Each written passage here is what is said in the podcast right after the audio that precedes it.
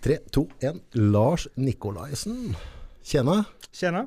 Det er, ja, vi har jo pratet litt på telefonen. Det er jo en stund siden, lenge siden det var i podden nå. Ja, det begynner å bli noen uker siden. Det er noen uker siden. Ja, Ja, ja. Tida, tida går. Tida går. Tida flyr. Start jul. Ja, Det var pod nummer 138. den forrige. Ja Hvis noen har lyst til å høre på det. Ja. God lytning. Der går vi litt inn, mer inn på, på historia di Mm. fra barndommen, overgrep, misbruk, Ja. og ikke minst liksom livet. Mm.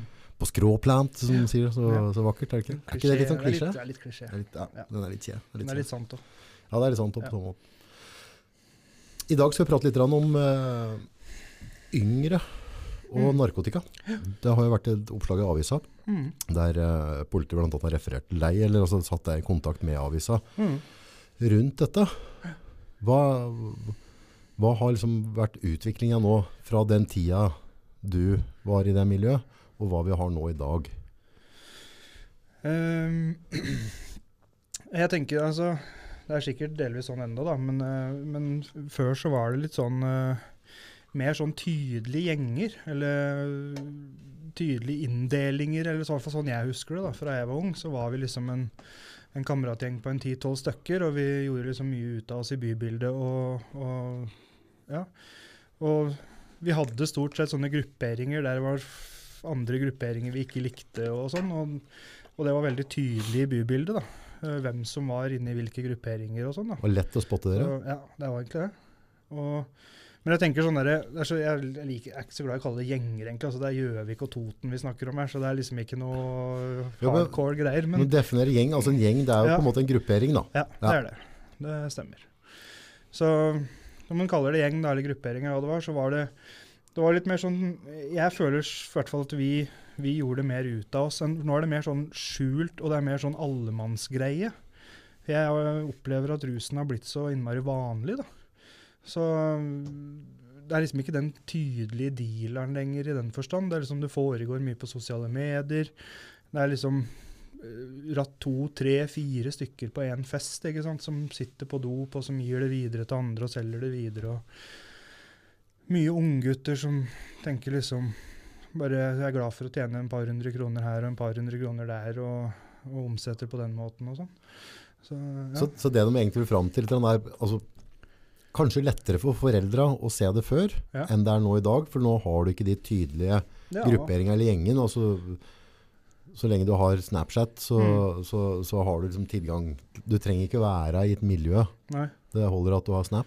Ja, vi hadde jo ikke Snapchat og sånn da jeg var ung. Det begynner jo å bli en stund siden det òg, faktisk. Selv om jeg er ikke så gammel. Men, eh, men eh, vi hadde jo ikke sosiale medier og sånn. Da hadde vi liksom sånne engangstelefoner og sånn som vi brukte. Hadde hatt tre-fire telefoner ikke sant? og delte ut noen nummer, og så bytta vi ofte telefoner. Og, men nå er det jo Alle har jo Snapchat. Ja. Og ungdom ned i 10-12 år har Snapchat.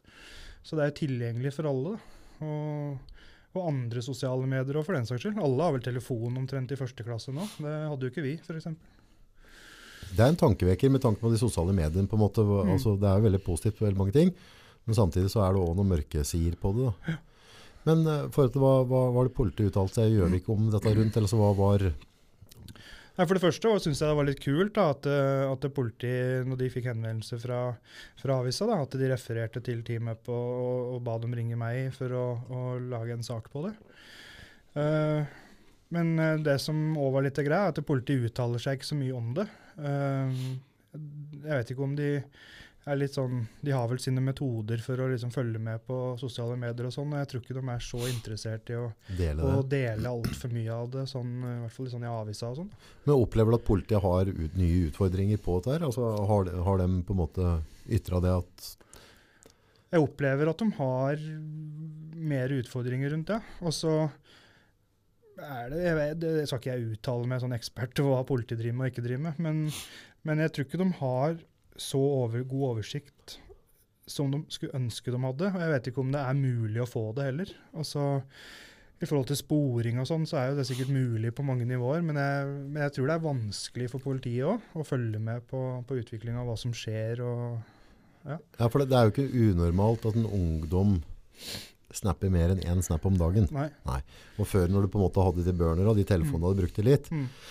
så ble det jo et mindre antall data du skal følge med på, mindre tekstmeldinger. Mm. De telefonene ble ene og alene brukt på skit, så Ja. fikk de på en måte kontroll på det nummeret. Ja. Så var det kanskje lettere. Men nå i dag så, er så har jo alle som sier alle er jo på noen sosiale medier. Ja. Og det er en annen type måte folk bruker det på. Da. Du Ja. ringer ikke for å liksom ha en samtale, avtale, møte. Det Mm. kan komme liksom 100 snapper. Så kanskje én av dem er den Mm. riktige. Og du kan jo ikke ha muligheter til å gå gjennom alt. Nei, og så er det sikkert noe med ressursbruk òg. Altså, hvis det er liksom 100 ungdommer i en by da, som sitter på noe drugs av en eller annen type, og så skal liksom omsette i sånn småskala og sånn, så er det liksom begrensa hvor mye ressurser politiet har til å liksom følge opp en haug med småkids som eh, flyr rundt og tjener seg en par hundre kroner her og der. da. Ja, og så Hvis alle de 100 har eh, 100-150 snap om Mm. dagen, hvorav en eller to av dem er live, da, Mm. eller altså et eller annet, så Mm. det, du, du har jo ikke sjans til å gå gjennom alt dette. Jeg syns det er dritskummelt, da, for jeg, jeg skjønner ikke helt hvordan du hvordan skal få bukt med det heller. Er, I hvert fall ikke dette med Snapchat og sånn. Mm. Det, det er jo så utbredt, og det er så vanskelig å spore det, og det blir borte. og ja. Jeg er unge sjøl òg, da. Men hva har du tenkt å altså, Vi er veldig opptatt av liksom, eh, strafferammer, mm, eh, måter å ta ting på og styre og stell. mm, Men eh, ofte så ser jeg veldig lite sånn diskusjon rundt hvorfor begynner unge mm. å bruke narkotika. Altså hva kan vi gjøre forebyggende altså, Er det et eller annet i samfunnet som gjør at, at flere og flere får det behovet? For hvis Mm. du på en måte har tatt vekk For hvis du er i vater, da, Mm, så har du ikke behov for å, å ruse deg bort da, eller rømme. mm.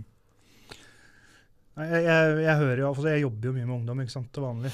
Og jeg hører så mye altså Det har vært en holdningsendring, sånn jeg ser det. da. Det har blitt så vanlig. da. Og, og når jeg hører liksom argumenta til ungdommer og sånn, da, om, eh, så det henger jo ikke på greip. og Det, det mangler mye opplysning rundt Åssen er- argumenter er det på noen typisk liksom? Nei, også jeg snakka jo med, med en ungdom her om dagen da, som, som var glad i å trene, f.eks. Og han eh, argumenterte med at eh, det var bra å røyke hasj etter trening, da, for det ga bedre restitusjon da, for muskulaturen. For da har liksom slappa all muskulaturen ta. Og, og det er en del sånne argumenter. ikke sant? Og Da drar du det langt da drar du det langt. med argument. Da er du, da er du god på å finne unnskyldninger. Ja, ja. Og mange flere måter å se dette på. Da. Men, men det viktigste er jo, eller det jeg tenker er skumlest, er jo den holdninga som er om at um, rusmidler, da, eller hasj, er liksom eh, mindre farlig enn alkohol. Og, og det gir ikke hangover, og det er liksom det er chill med gutta, og det gjør ikke noe gærent, og du sitter bare i leilighet og røyker, og det er ikke noe farlig. det er så mange Eller det er en sånn holdning der da, som, som gjør det så vanlig på et eller annet vis. da. Men det som gjør det liksom litt sånn vanskelig, hvis du ser på øh, over, over dammen, da, ser på andre land, så liksom marihuana har jo blitt legalisert i Mm. store deler av verden. Noen steder er det ikke lov, men, men de håndhever det ikke. Mm. Og, og masse andre steder er det lovlig nå. Du kan Mm. kjøpe det på butikken mer eller mindre, eller hvordan det funker. Åssen så- blir ikke det vanskelig da å forklare unga Jo, det er det der. at jo, jo, liksom Bill Gates røyka når han gikk på studiet, liksom, men, Mm. men eh, For det vil jo få høre liksom, da, liksom, Jo, men han gjorde det, og presidenten gjorde det, Mm. de og de gjorde det. Mm. Hvorfor kan ikke jeg gjøre det? Mm. Hvor går det? altså, Hvordan skal vi klare å skille på dette her? Nei, altså jeg tenker altså, Både med tanke på min egen erfaring, da, for jeg har gjort meg en del erfaringer med rus opp igjennom, for å si det mildt. Og, og jeg, jeg tenker at liksom Én ting er der det starter, og den uskyldige chillen med gutta da, i ei leilighet. Men en annen ting er kon konsekvensene av hvor dette bærer en. Mm. Eh, det er der det mest farlige ligger, i mitt hode. Uh, og så er det jo Det mangler også, det er jo en del opp opplysning som mangler, tenker jeg. Altså, Vi snakker for lite om det, vi er for lite ute på skoler. Altså, for det er en del sånn fakta rundt dette her også, som ungdommen ikke har greie på. Altså, Ja. de, de chatter bare seg imellom, og de har sine egne ideer på hvordan dette her fungerer, og at det er ufarlig. Og, og du ser jo rundt om i verden at det er lovlig her og der og sånn. Men Det er hovedsakelig marihuanaen, er det? ja, marihuana og, og ja. Ja. Mm. Hasj, marihuana. Er det, er det samme sak, egentlig? Ja, øh, det er jo ikke helt det samme, men, øh, men i samme kategorien. Da, kan vi Ja. si. Ja. Men er, altså, hvis det da går gæ- altså, du har andre land da, som Mm. har åpent, og dette funker helt greit. Mm. De går, ligger ikke på gata med sprøyte i øyeeplet, noen av dem på en måte. Altså, klart er det noen der. Mm. Men se Amsterdam da, for eksempel. Den er den er åpen. Eh, det ser jo veldig ryddig ut når det er i Amsterdam da. Mm. Men eh, har det noe med at, at de stoffene er kriminalisert, som gjør at du på en måte havner inn i et, et miljø som også eh, hvis du da er på en måte kaller den der eh, hasjrøykeren, Mm. eller marihuanarøykeren en gang iblant, og så, Mm. når du begynner med det her, det er ulovlig, Mm. så havner du også til dealere som dealer andre ting, og så går du ut på andre ting, eller mener du at det skal stoppes i sin helhet? Altså hva... Jeg, jeg mener jo at det skal stoppes i sin helhet. Ja. Og, det er, og det er så mye mer enn stoffet i seg sjøl. Fordi at eh, menneskene du omringer deg med, miljøene du omringer deg med, Mm. og, og den derre terskelen du bryter med å, å tilføre kroppen noe sånt noe. da. Så er, jo, når du har begynt med det, så er det så lett å flytte den grensa et hakk fram og et hakk fram. Ja. Og så blir ting litt kjedelig, og så når du er, i hvert fall når du er ung, og sånn, så søker du noe nye thrills hele tida. ikke sant?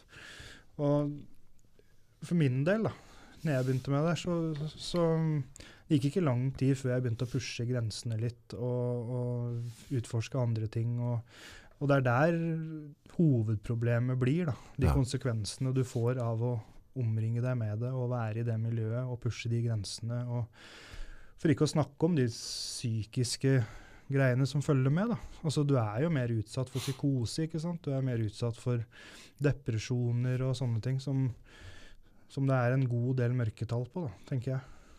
Det store spørsmålet er, liksom, er dette en kamp vi kan vinne, eller er det noe vi på en måte som har kommet, altså hvis du ser, kall det de lettere stoffa da, Mm. om det er marihuana, Mm. Er, det, er det noe som har kommet for å bli? Altså du ser jo i resten av verden, så har de på en måte gitt etter på det. Mm. Eh, er det en annen type taktikk vi skulle hatt rundt det, eller mener du at vi skal bare øke strafferammene på det, og fortsatt ha det kriminalisert, og holde dette til det kriminelle miljøet? Altså, det er der jeg liksom ikke helt... Nei, det er, det er vanskelig også å, å svare sånn altså Jeg mener ikke at en skal øke strafferammer og sånn, kanskje. Men jeg, jeg mener fortsatt at det bør være ulovlig og kriminalisert. Mm. Jeg, bør, jeg, jeg tenker at vi bør ha en, en stram ruspolitikk. da. Mm. Um, fordi at det er så mye følger, og det er så mye konsekvenser, og det er, eh, som påvirker livet til unge og eldre og i alle aldre, egentlig. Så jeg, standpunktet mitt er at det skal være kriminalisert.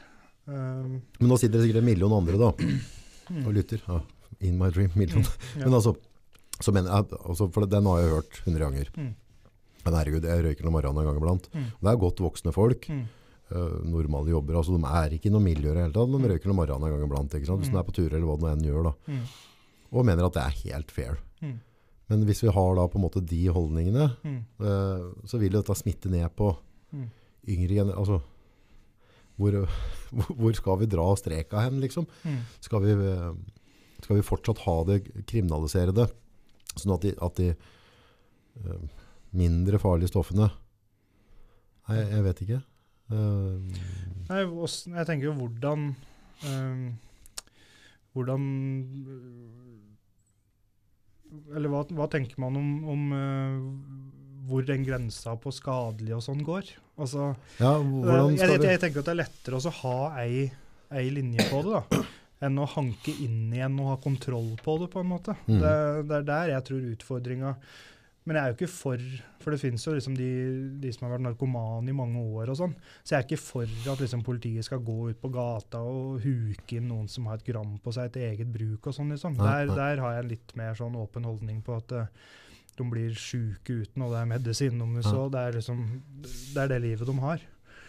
Men allikevel så tenker jeg at vi ikke skal legge til rette for at de unge på en måte øh, får lov til å tre inn i denne verden der, da, på Ja. lovlig vis. Nei, jeg, jeg har jo så klart prøvd marihuana. Mm. Er sikkert fryktelig mange andre i Norge òg. Mm. Det er ikke min greie, liksom. Så, men, men hvis jeg skulle begynt å røyke av det, da, Mm. så hvis jeg stikker liksom fingeren i jorda, Mm. så er det ene og alene for at jeg ikke har det ålreit. Mm. Altså, det, det må jo være, altså hvis, jeg, hvis jeg er 100 i vater, og alt Mm. funker med meg, Mm. så har jeg ikke behov for det. Mm. Da har jeg egentlig ikke behov for å gå på fylla. Eller, Mm. altså alt som er liksom av rusmidler, så er det liksom for at, det, at et eller annet som ikke, et eller annet som ikke klikker i huet. Altså den, for, slår jeg på samtlige sylindere og har det kjempebra, Mm. så har jeg svinnende lite behov for å Jeg ta meg en øl. Jeg tror du er inne på noe der, altså, for hvis en begynner å dykke litt i de som bruker rus, da. Ja. Rus er jo ofte et symptom på at det er noe som ikke funker. Ja. Og så, De fleste bruker rus som en eller annen sånn rømningsvei, eller en sånn liten flukt fra virkeligheten, eller for å uh, roe seg ned, eller for at du jobber for mye, og så trenger du å stresse ned. Altså, det, er, det er liksom veldig mange bruksområder på dette greiene der. da. Og- ja, men det er sjelden at det er liksom bruksområder det ikke er fletta i hopet med et Ikke. Mm. Så jeg tenker jo at, eh, at, dette, at rusen er jo som regel et som jeg sa i sted, symptom på at noe ikke funker i livet ditt. da. Ja. Fordi at hvis du har ting på stell, som du sier, og, og har et godt liv, og, og, og gjør spennende ting og kjedelige ting, og, men har kontroll på livet ditt, da, mm. så tenker jeg at da, da har du ikke behov for å tilføre kroppen eller huet ditt eh, et eller annet. da. Nei, for, altså, hvis du liksom alt er eh, 100% vater, du har familie, du har kjæreste, du har alt det Mm. du trenger, Mm. så har du ikke behov for å gå på fylla i helga. Egentlig. Og jeg tenker at Hvis du har behov for å liksom røyke masse hasj i helga for å, å roe deg ned, og sånn, så bør du kanskje se på hvordan du lever livet ditt. da. Kanskje Ja. du bør justere litt andre områder i livet ditt. da. For å ikke få det stressnivået, eller for ikke å kjøre deg helt på felgen, så du trenger å tilføre et eller annet for å rette opp igjen. da. Men hva er det samfunnet skal gjøre da? For, det, for, jeg føler jo, eh, det er, ikke for å være negativ her, Mm. men den, den kampen da, Mm. rundt det, spesielt den marihuana-biten og det der, eh, jeg klarer ikke å se at de klarer å stoppe det. Mm. Altså hvis, hvis folk har lyst, så får de tak på, det. de kommer til å drive med det. Mm. Og vi har ikke strafferammer i Norge som tilsier at, liksom at, at du må risikere liv og helse for å, for å begynne med dette der. Men, men hva er det vi som samfunn kan gjøre? For utfordringen er jo at, at barna våre, dem som vokser opp her, Mm. Altså er det, er det bruk av sosiale medier? Er det for travelt på skolen? Mm. Er, det, er det for mye treninger att og fram? Og hvorfor får de behovet? Fordi jeg hører om historier som at eh, helt ned liksom i, i 7. klasse, Mm. 8. klasse, altså tidlig start på ungdomsskolen, at folk, eller ungdom, Mm. røyker da, kan gjøre i storefri omtrent, ikke sant? Mm. Og det, er jo det er jo ikke noe sunnhetstegn. Er, er, det, det samfunnet som er på tur ut av, av vater, tror du? Ja, det er jo det er jo et vanskelig spørsmål å svare på. Altså, jeg, jeg, jeg opplever jo fortsatt at vi har liksom grei kontroll på et eller annet vis, men så, så går det litt, i, litt opp og ned, og så er det en del utfordringer, og så blir det litt mer eh, frie holdninger rundt ting og sånn. Eh, men jeg mener jo, sånn som jeg òg sa i stad, at eh, jeg, jeg tror én måte å hvert fall gjøre det på, er å, å, å ha litt opplysning om det i skolen og sånn. da. Kanskje politiet kan være litt mer aktive på skolen. Eh, kanskje vi som har levd det livet der, kan eh, bidra inn i et eller annet.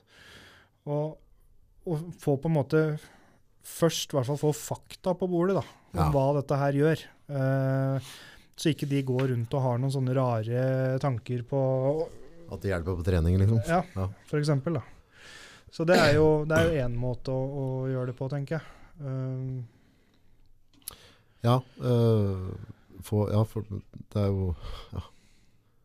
Nei, jeg, jeg skjønner bare ikke hvorfor så unge mennesker har behovet. Så jeg bare Jeg vet ikke åssen det er med deg, men jeg har i hvert fall ikke lyst til at unga mine skal sitte på en fest om noen år, og så skal det være like mye kokain og hasj på bordet som det er ølbokser. Liksom. Det, det er en ting som jeg kjenner på, som, som gjorde at jeg starta det engasjementet jeg gjorde i fjor òg. ja, Fordi at jeg så at eh, det blussa opp i alle bauger og kanter, og det var fri flyt liksom på, i bybildet på på Gjøvik, der jeg kommer ifra. Og det var unger helt ned i 13-årsalderen som hadde prøvd heroin. Og det er Seriøst? jo- Ja, det er jo helt sjukt, ikke sant. Så jeg, og når jeg ser sånne ting og leser om sånne ting, og tar meg en runde gjennom byen og ser åssen ting foregår, så veit jeg med meg sjøl at jeg har han eldste sønnen min, f.eks.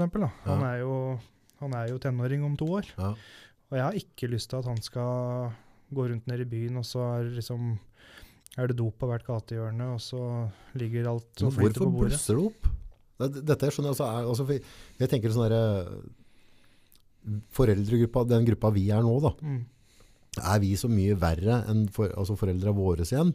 Eller er det, bare, er det på en måte generelt holdninger, eh, trivsel i hverdagen? Altså er det, har hverdagen blitt for travel? Altså hvorfor, hvorfor har en 13-14-åring behov Mm. For å røyke eller sette heroin Mm. for å slappe av litt og, og oppleve glede.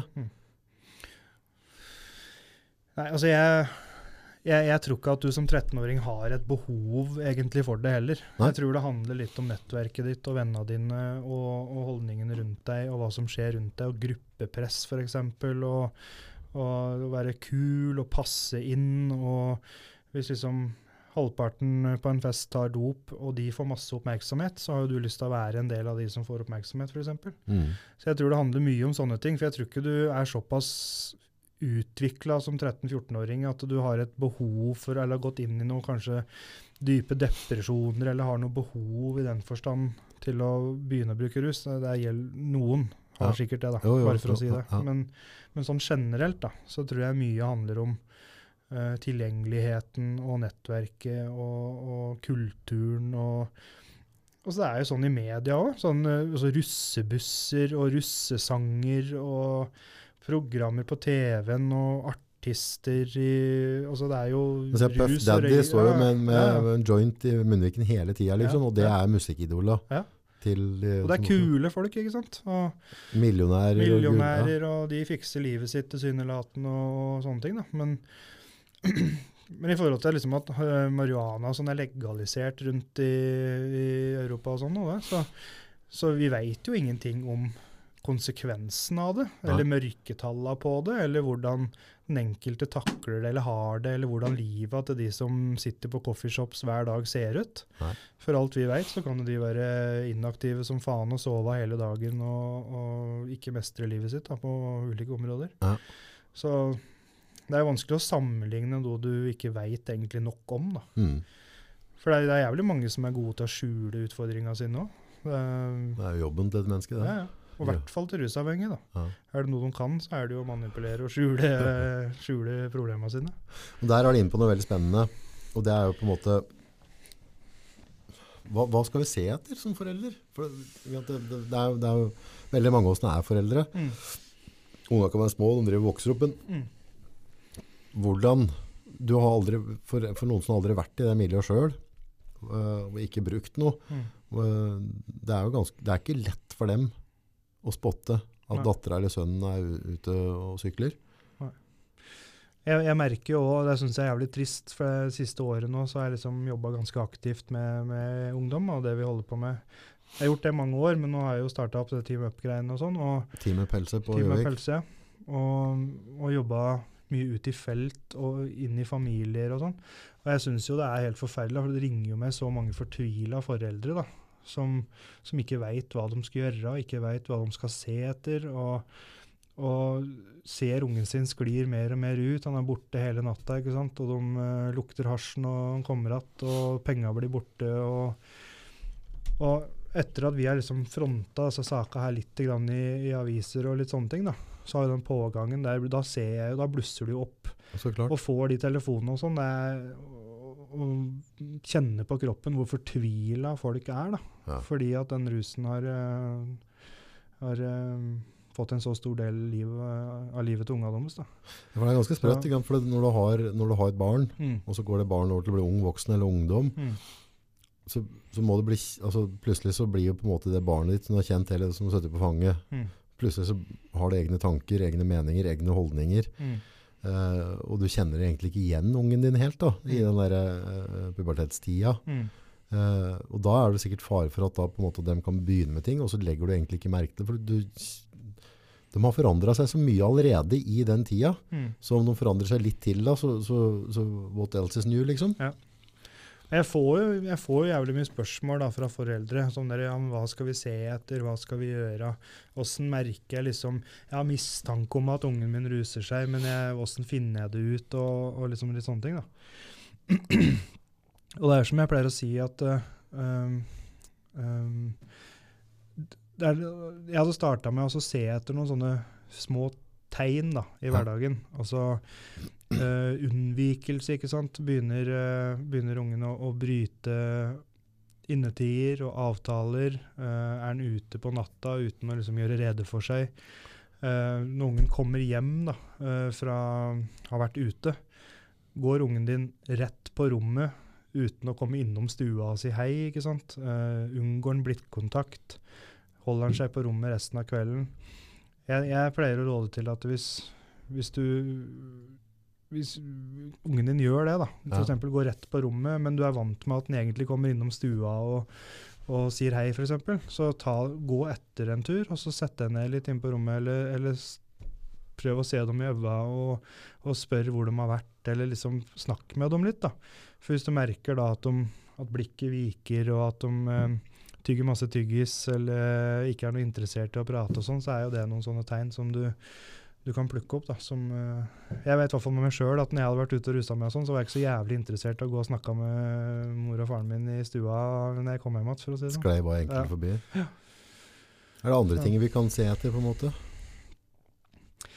Altså Når du er uh, 15-16 år, da, så, så, er det de fleste barn lever jo av lommeboka til foreldra sine og sånn. Ja. Så det er jo litt sånn uh, overdreven pengebruk, eller blir penga borte uten at du helt veit hva det er. Og får du mye spørsmål om penger, ikke sant. Og da mener jeg at når du gir ungen din penger, så har du rett til å spørre hva er det du skal bruke dem til, eller hva mm. er det du driver med nå? Skal du på kino med, med noen kompiser, eller hva? For Istedenfor å bare gi ut penger ukritisk og, og ikke lure på de, hva de skal brukes til. Mm. Og det er der jo ofte utfordringa kommer som foreldre. Du er mm. travel i hverdagen, så gidder du ikke ta en konflikt. Og så mm. bare OK, sett over noen kroner, og så holder holder de fred, liksom. Ja. Uten at du er noen dårlig forelder til det. Men det er, jeg tror det er ganske naturlig og menneskelig å gjøre det. Ja. Så tenker jeg òg um, ehm, være litt sånn nysgjerrig da, på ungene sine. Uh, for det, når, når, du begynner å, å, angripe, på en måte, da, eller uh, du, du, har tenkt deg til noen scenarioer, og så mm. ser du for deg at ungen din når han er ute på natta, så er han der og er han der, og så kommer han hjem igjen og så begynner du å kjefte på han, ikke sant? og så går ungen i forsvar, og så har du det gående. da, Men du blir mer og mer desperat etter å finne ut hva som foregår. Og jo mer du liksom fordømmer og kommer med pekefingeren og kjefter og antagelser og de tinga der, jo mer har ungen din lyst til å prate med deg. da, Og du blir sånn maktkamp i hjemmet, på en måte. Ja. Istedenfor å liksom prøve å legge bort det kanskje litt, og så være litt nysgjerrig på liksom, ja, hvor har du vært hen, og, og, sette seg litt inn i nettverket til, til ungen. da, Og så komme litt på bølgelengde, da, og, og liksom øh, prøve å få til en sånn ærlig dialog rundt ting. da. Ja. Uh, Kanskje ungen din kommer og forteller da, at jeg var på fest i går, og det var masse rus der og sånn, men, men, jeg gjorde det ikke, men det var rundt meg. Ja. Og da får du jo litt oversikt på hva som foregår, da, hvis du er nysgjerrig og, og ja, inkluderer deg litt i livet til ungen din, da, uten å liksom bare kjefte og, og skal ha kontroll på ting og sånn. Ja, for dette, dette, er jo litt sånn utfordrende òg, med like litt. Det er kjempe, altså Hvis du har en klar mistanke, da. Mm. Sønnen din driver og røyker morgenen. Mm.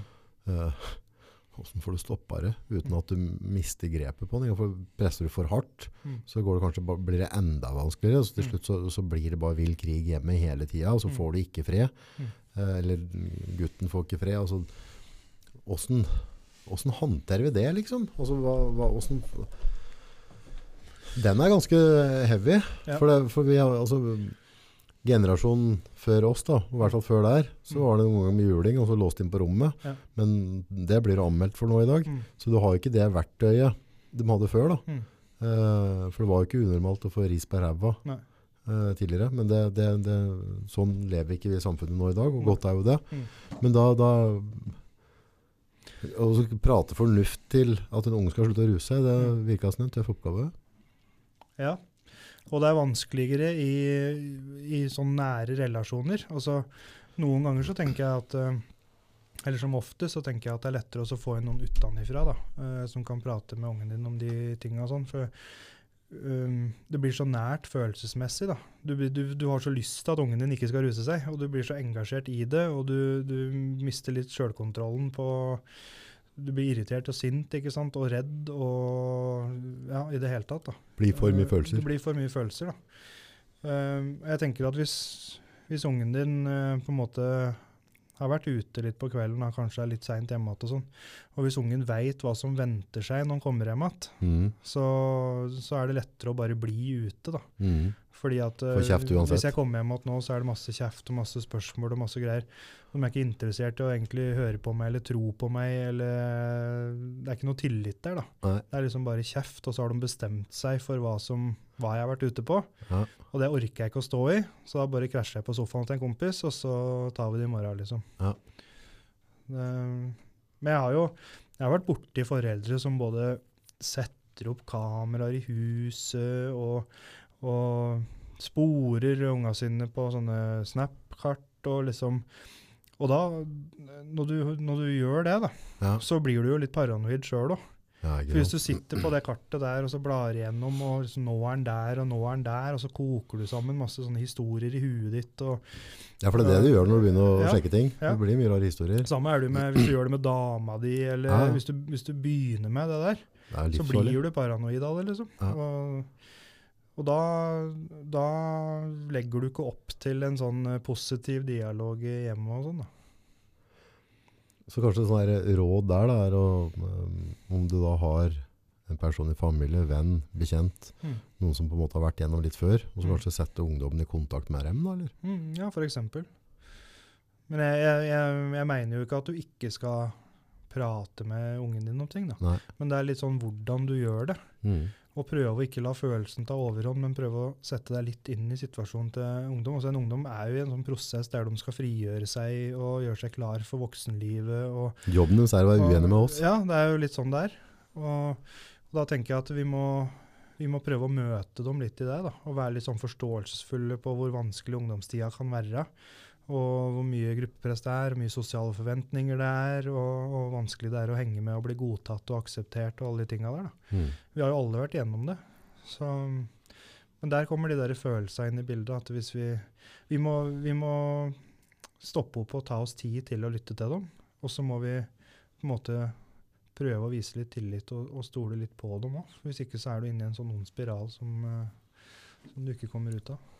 Ser du ofte det at måte kommunikasjonen har vært brutt da, mellom ungdom og, og foreldre Mm. du har vært borti? Det gjør jeg. Og kanskje også hvis Nå er det jo mange som er aleneforeldre og sånn, men hvis foreldra bor sammen, da, f.eks., så, Mm.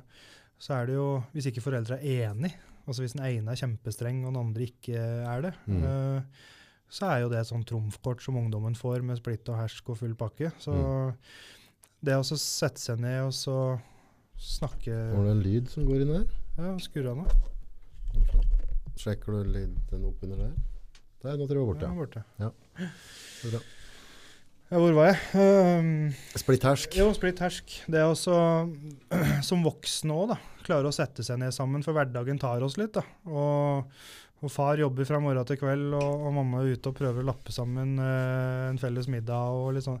Det å finne noe sånn tidsrom i hverdagen, da, til å få satt seg ned litt og, og bli enige om hvordan vi vil ha det hjemme. da. Ja, for dette Det- er jo òg veldig sånn interessant, for når du har eh, Skal se om ikke har fått det. Uh, nå er jo på en måte mor og far ofte ute i full jobb. Så som du sier, så får lappa sammen den middagen. Altså, det blir veldig veldig travelt. da. Altså, du starter dagen med stress, skal gå på skolen ditt og datt styr og stell, og så er det hjem igjen, og så er det tjåkende mat, og så kanskje noen yngre søsken som skal gå på noe trening, Mm. og så skal mor og far ha noe sosialt liv dem. Og så, Mm. altså det blir Og så skal du fikse kiden din eh, altså fem minutter du har imellom middag og fotballtrening. Og da blir den dialogen veldig intens. da. ja. Da blir det sånn derre Hvor faen skal du? Og Ja, men jeg skal bare dit. Sånn, ja, men eh, da drar du sikkert bare dit, og så gjør du det, og så Ja. Da blir det sånn dårlig form for dialog, da. Man Mm. bør på en måte finne litt sånn rom i hverdagen til å, til å få snakka litt sammen, tenker jeg. Det er nesten som at en skulle hatt uh, dette gode gamle husmøtet, Mm. der det på en måte ikke er lov å dra følelser på bordet. Mm. Altså, vi prater om de faktiske forholdene, og så prater vi som likesinnede over bordet, Mm. så at vi ikke på en måte får den at du skal gjøre alt på fem minutter. Ja. For du får jo aldri satt deg ned. Og,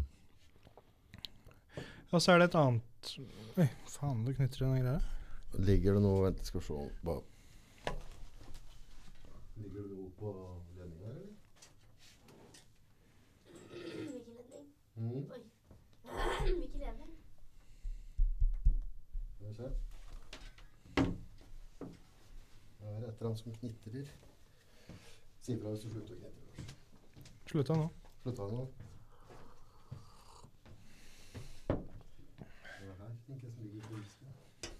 Er. Der. Er det borte knitra nå? Borte nå.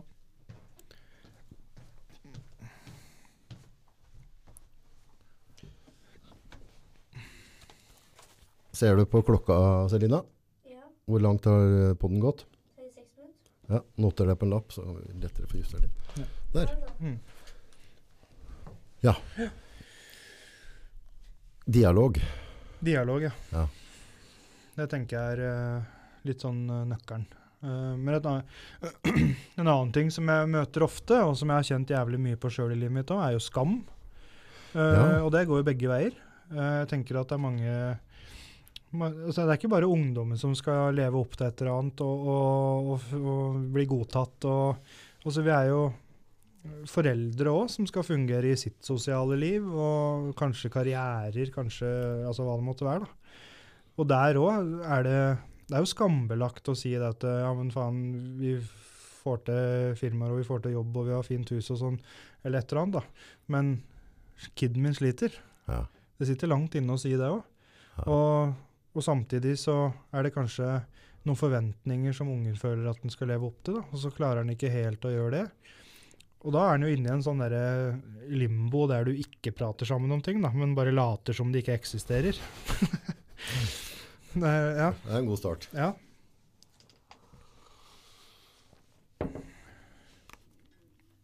Og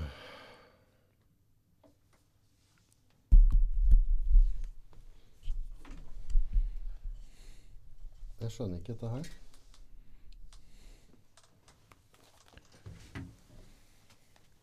Fortsatt lyd? Mm. Ja, den. Er det noen telefoner som står og ruller og går inntil miksebordet her, eller? Står du og snapper og hva styrer nå? Nei. Skriv Du er i orden? Eller gi meg Ja. Ja, du har dratt gjennom her sikkert. Var det bedre nå? Ja. Hvis du drar den der, så drar du ut kameraet. Du er fortsatt på rundt 36. Ja, 38. Da skriver du på der. Da er vi tilbake igjen etter er et vi- strømproblem. Da ble det lite klipp. Vi klipper jo aldri egentlig, men nå ble det litt klipp. Ja. Nei, så dialog, Mm. det er der nøkkelen ligger. Jeg tenker jo det. Ja. Um, og så er det, tenker jeg òg at i forhold til det med, med skam og sånn, da, det å, det å tørre å be om hjelp, da. Det, altså, jeg og det, for jeg, når jeg knekte den koden en gang i tida, om at jeg turte å spørre om hjelp, Ja. for det satt jævlig langt inne. Det brukte jeg jo votter og vintre på å, å få til, for vi er jo litt sånn at vi skal fikse opp i tinga våre sjøl da. Ja. Men når du tenker at liksom andre kan ha noe å bidra med i ditt liv, da, så du tør å be om hjelp. Jeg ser bare på meg sjøl. Jeg har jo fire unger sjøl. Mhm. Og mellomste sønnen min har jo slitt jo med kraftig ADHD og en del problemer på skolen og sånn. ja.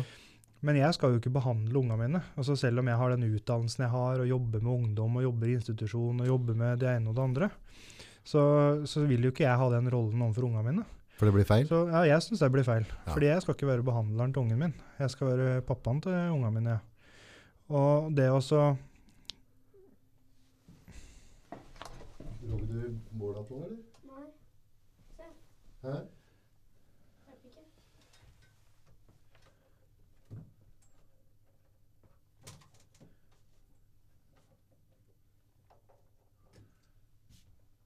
knitrer.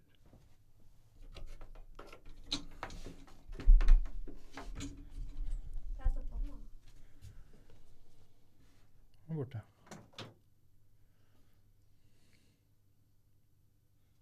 Det skjønner jeg ikke. Så jeg bare sjekker litt, så er jeg sikker på det.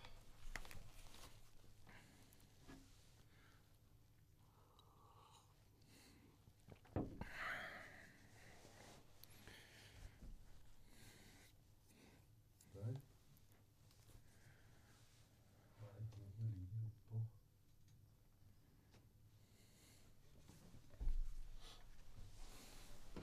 Skriv opp klokkelettet igjen, Selina. Da får vi se om det blir bedre nå. Ja. Prøv å ikke dra i så mye der, du, Selina. Da er vi tilbake igjen. Det ble ly lydtrøbbel. Eh, skam. Altså det, det, det med å, å spørre om hjelp. Ja. Nei, altså jeg, jeg selv, bare for hvis jeg skal ta meg sjøl som eksempel, da. Uh, for du, du, må jo ikke være rus heller. Men uh, den ene sønnen min, f.eks., som har hatt en del utfordringer på skolen, og en del sånn utagerende atferd og språkbruk, og, og sliter litt med sine utfordringer, da. Da har jeg vunnet veldig mye på så jeg kobler på det jeg kan koble på. Altså, jeg spør PPT, jeg spør BUP. Jeg, jeg forholder meg til hjelpeapparatet eller noen utafor meg sjøl. Mm. Jeg tenker at I familien vår der skal vi være en familie, og der skal vi være sånn som familier er. Ja. Men vi skal ikke ha det der problemfokuset i hverdagen hele tida.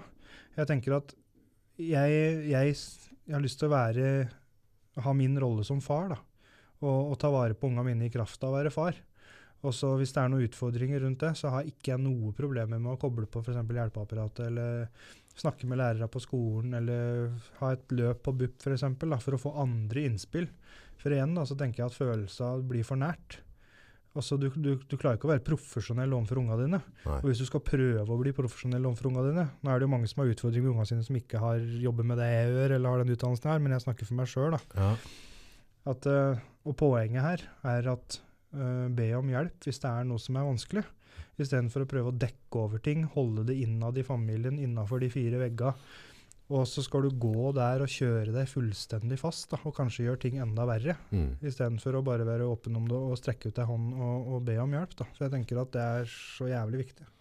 Nei, vekter du en, en eller fikk du meg til å tenke litt annerledes. For jeg tenker sånn derre Om det er BUP, da, Mm.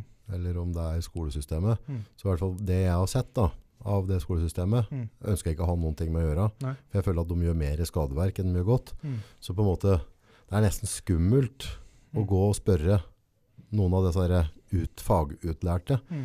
For at, eh, så jeg tror veldig mange tenker på det. Altså hvis jeg tar kontakt Mm. med PP, altså tar kontakt med det her, Mm. så kommer det inn en, et, et røkkelverk med rødstrømper, Mm. og så lager de en helvete av mengde med trøbbel. Mm. For de har jo en tendens til å blåse ting opp, og Mm. de sier at jeg føler at ditt, og jeg føler at datt. Mm. Og neste øyeblikk så har du barnevernet på døra. Mm. Det jo For der er det noen historier om før, da, ikke sant? Så jeg Ja. tenker så bare hold, hold denne gjengen der med utlærte folk unna meg og mine, mm. så har vi en stor sjanse at det går bra. Ja. Det er den der, på en måte følelsen jeg har fått. Ja. Så, Da er vi inne på det jeg sa. Ja. For da har du, da har du, da har du på en måte bestemt deg for hvordan ting er, Mm. eller hva som møter deg. Mm. Og så blir du litt sånn forutinntatt i det, da. Ja. Og så i forhold til den dialogen du skal ha med hjelpeapparatet, da. Og så hvis du har den holdninga der, da, så gir du ikke dem den informasjonen de trenger heller. Nei. Fordi at du holder tilbake, eller fordi du tenker uh, fuck disse her, og skal komme her og fortelle om følelser og alt mulig rart. Ja. Så da pakker vi jo ting litt inn, ikke sant? og så er vi ikke egentlig villige. Og så er vi ikke egentlig åpne for at de har noe å bidra med. Og da kjører det seg litt fast, da. ja, for er- alle har jo sett den altså, Barnevernet er jo ikke der for å ta unga dine. Nei, men, det er den, men men det det, er den mange tenker, da. det har jo skjedd altfor mye, da. Ja. At det kommer inn noen uh, lærde. Ja. Og, så, og så finner de at du er sinnssvak, og du har vært dømt tidligere. Mm. Så mest sannsynlig så driver du og mishandler ungene dine, og så føler du et ord av det, så står de altså, så, så jeg tror det er sånn at veldig mange føler at denne gjengen der er det bare å holde seg unna, Mm. for dette er storstyggen. Mm. Og, og det er jo et, et problem, da. Mm. Hvis jeg og folk rundt sitter med en sånn følelse Mm. at det er skummelt å ha med seg å gjøre. Der òg tror jeg vi må bli flinkere til å, til å få ut riktig informasjon. da. Ja. For jeg tenker at um, de i barnevernet eksempel, de har jo Mm. samme utdannelse som jeg har. Mm. Og vi jobber egentlig mot et felles mål. Altså Mm. Vi prøver å hjelpe oss unge her på rett sti. Mm. Og, og barnevernet heller kommer ikke inn og tar unga uten at de skal, har, er pålagt å prøve alt annet først. Mm. Hvis det ikke er noe sånn helt prekært og akutt, da, som Ja, ja. sier seg sjøl. på en måte. ja. Men de er jo der som en hjelpeinstans på lik linje som veldig mye annet. Mm. Og de skal jo inn og, og hjelpe familier og gi råd og veiledning og sette inn tiltak i hjemmet, eller leie oss, da, for Ja. den saks skyld. Eh, vi som jobber som en ekstern aktør, ikke sant, og har våre ting vi er gode på. Ja. Så det er en del sånn myter ute og går der òg. Men jeg hadde følt meg tryggere da, med å på en måte fått innleid dere da, Mm. gjennom en, altså, på, men nå, er, nå kjenner jeg jo deg og, Mm. og bror din og, og, og vet hva dere står for. Mm.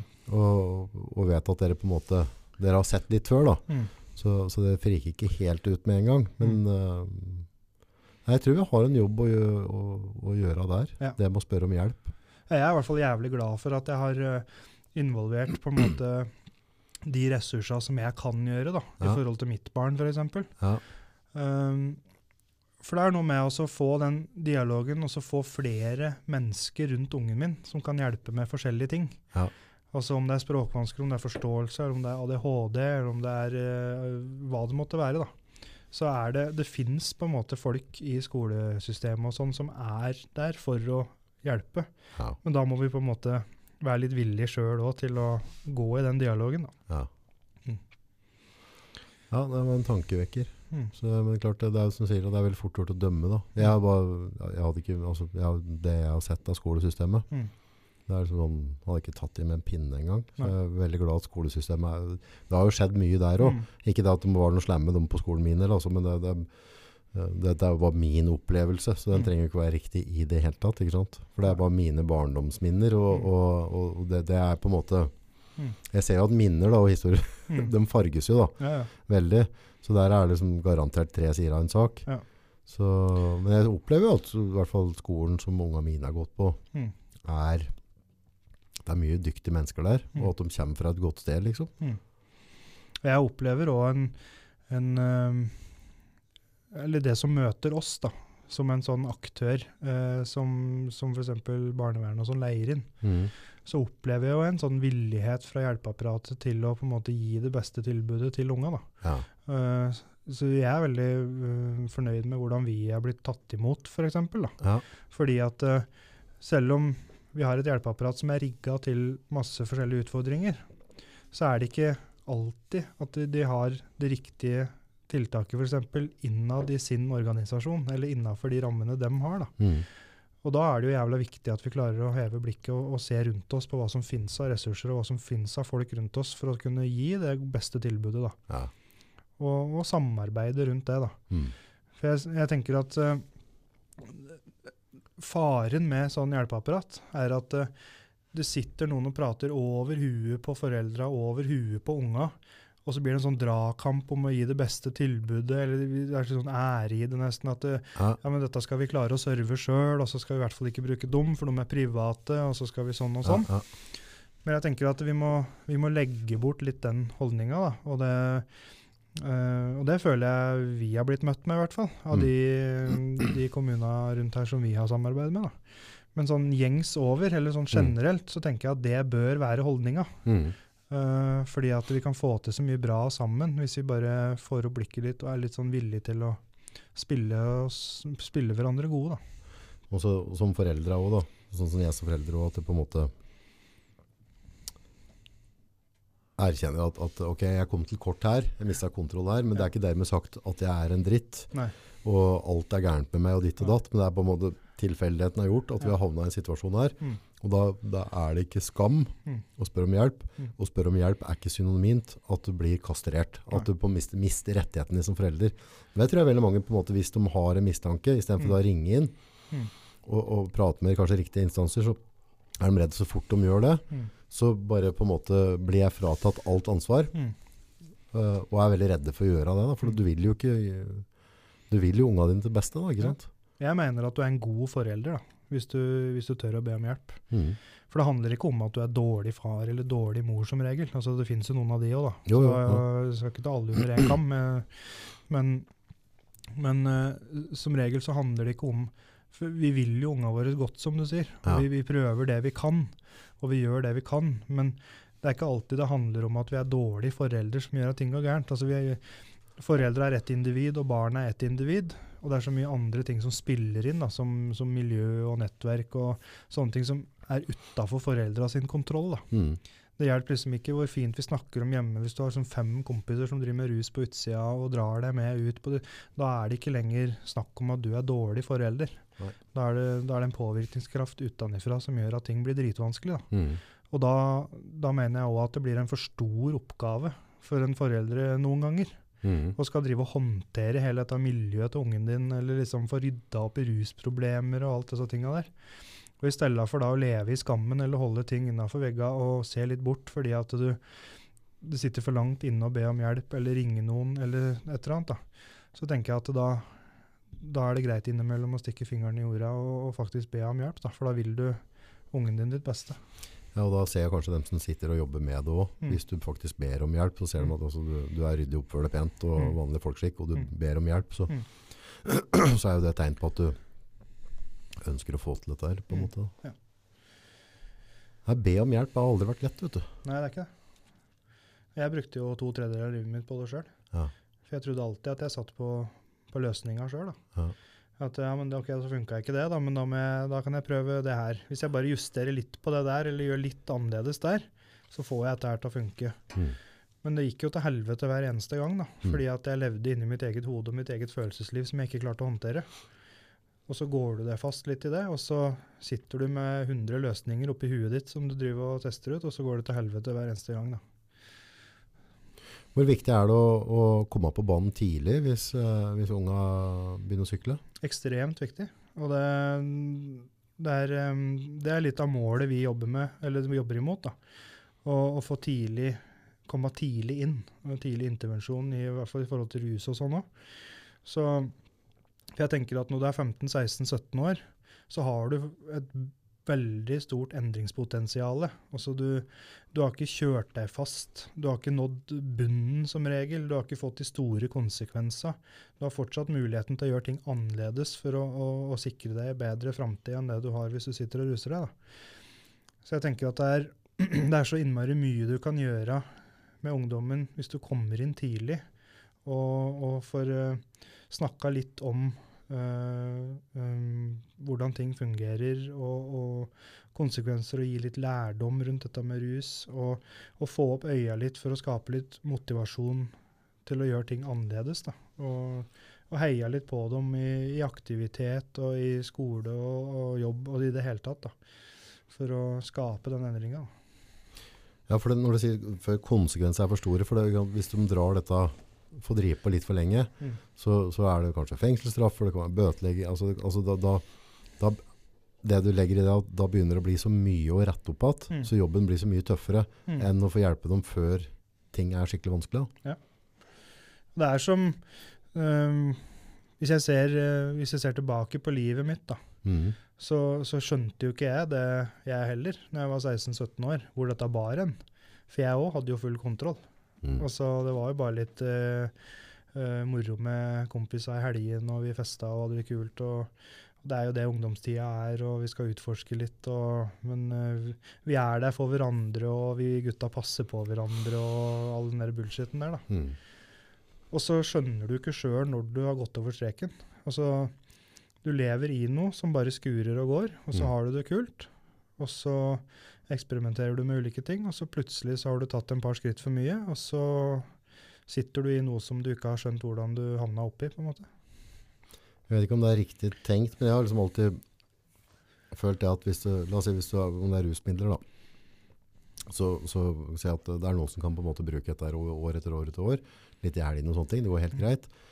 Men så har jeg alltid sånn følelse at jo, det går helt greit, helt til det kommer en livskrise, plutselig så dør mora di, kompisen din kjører, altså et eller annet skjer, at det skjer en livskrise, Mm.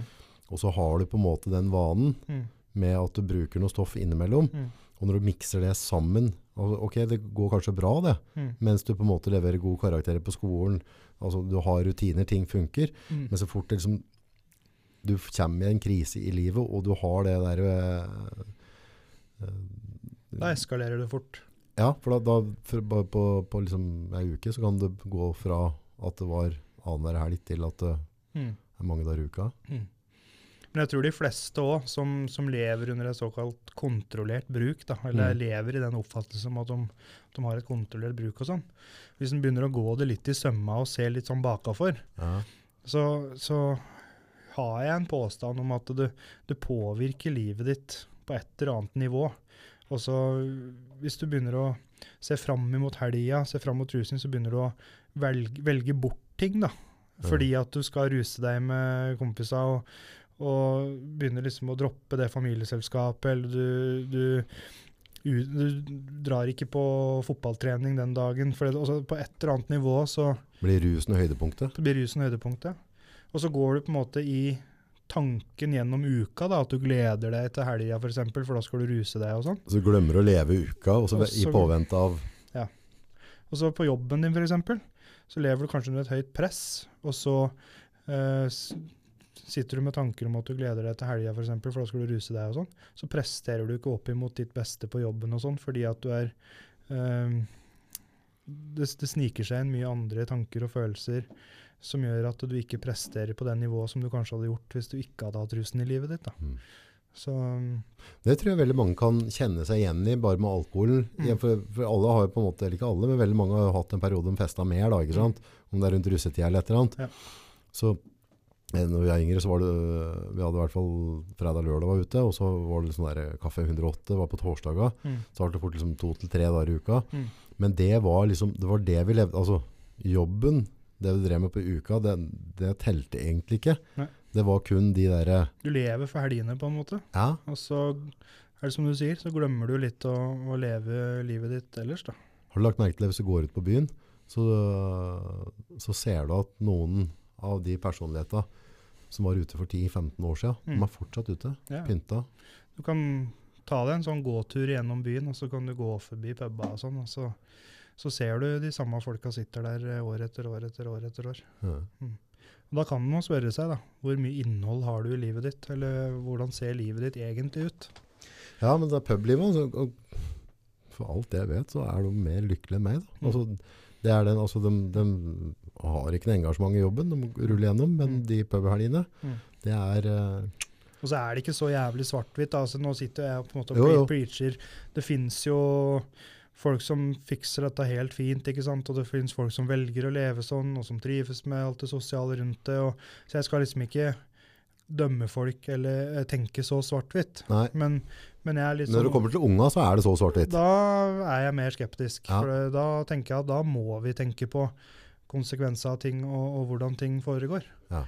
Uh, for at uh, kontrollen skal bli ukontrollert. Tidlig inn er viktig, altså. Tidlig inn er viktig. Mm. Mm. Og ikke være redd for å spørre om hjelp. Mm. For det er folk der ute som Men det, det er det som sier, du skal jo være Du skal leve papparollen. Du Ja. skal ikke være sosialkurator. Nei, og så er det jo sånn at vi behøver jo ikke å, å, å, å fikse alt sjøl hele tida. Det er jo bruk folk rundt deg og, og ja, de ressursene som finnes. Da. Mm. Eh, Du trenger ikke å, å stå i all driten sjøl.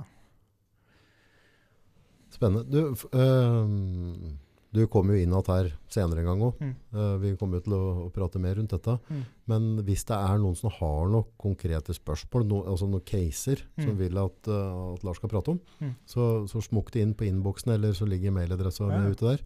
Så kan vi ta opp konkrete altså, kan godt at vi kan se på det med andre øyne, at du har, at du har uh, råd, en eller annen pek, Mm. et eller annet. Mm. Ellers er jo dere Teamet Pelse på Facebook. Ja. så der ligger du litt, litt ute òg. Dere har vel en hjemmeside sikkert òg? Det har vi òg. Teamupphelse.no. Så bra. Kan gå inn og se litt hva vi holder på med. Så sleng inn spørsmål, Mm. og, så, og så stiller jeg dem til Lars, og så kan vi prate litt rundt det. Og så, for det, det, det er jo så sier at det er jo ikke svart-hvitt, det er masse nyanser her. Ja, ja. Så jeg er bare opptatt av liksom det er jo, Jeg er opptatt av ungdommer først og fremst. At vi liksom skal få til en holdningsendring der, da. Eller endre litt på, på hvordan eh, ungdommen ser på dette med rus. Og, og får litt mer fokus på konsekvenser av det, og hvordan det påvirker livet vårt. Det er der jeg tenker at hovedjobben må gjøres, da. Og der vi får mest effekt. Er mest effekt. Ja, det er jeg helt enig i. For, for, for rusen på den ene eller andre måten har jo kommet for å bli. Altså, vi har hatt Ja. dette i tusenvis av år. Ja. Så, så at vi blir kvitt den over natta, Mm. det er et helt annet politisk tema. Mm. Så det, det skal veldig mye til, men, Mm. men vi kan gjøre fryktelig mye med holdninger. Mm. Husk på å like og dele, folkens. Ja. Sleng gjerne på noen kommentarer, helst positive. Helst. Så jeg er fryktelig glad for alle som følger oss på Spotify. Mm. Uh, gå inn der og slekk på en bjelle, så får dere, får dere oppdatering hele tida når, når det kommer ut nytt. Mm. Og kom gjerne med noen konkrete spørsmål, noen caser. Uh, ikke noe problem, kan være anonyme. Mm. Og så, så tar jeg det opp med Lars. Mm. Kult. Takk for kaffen. Takk for kaffen.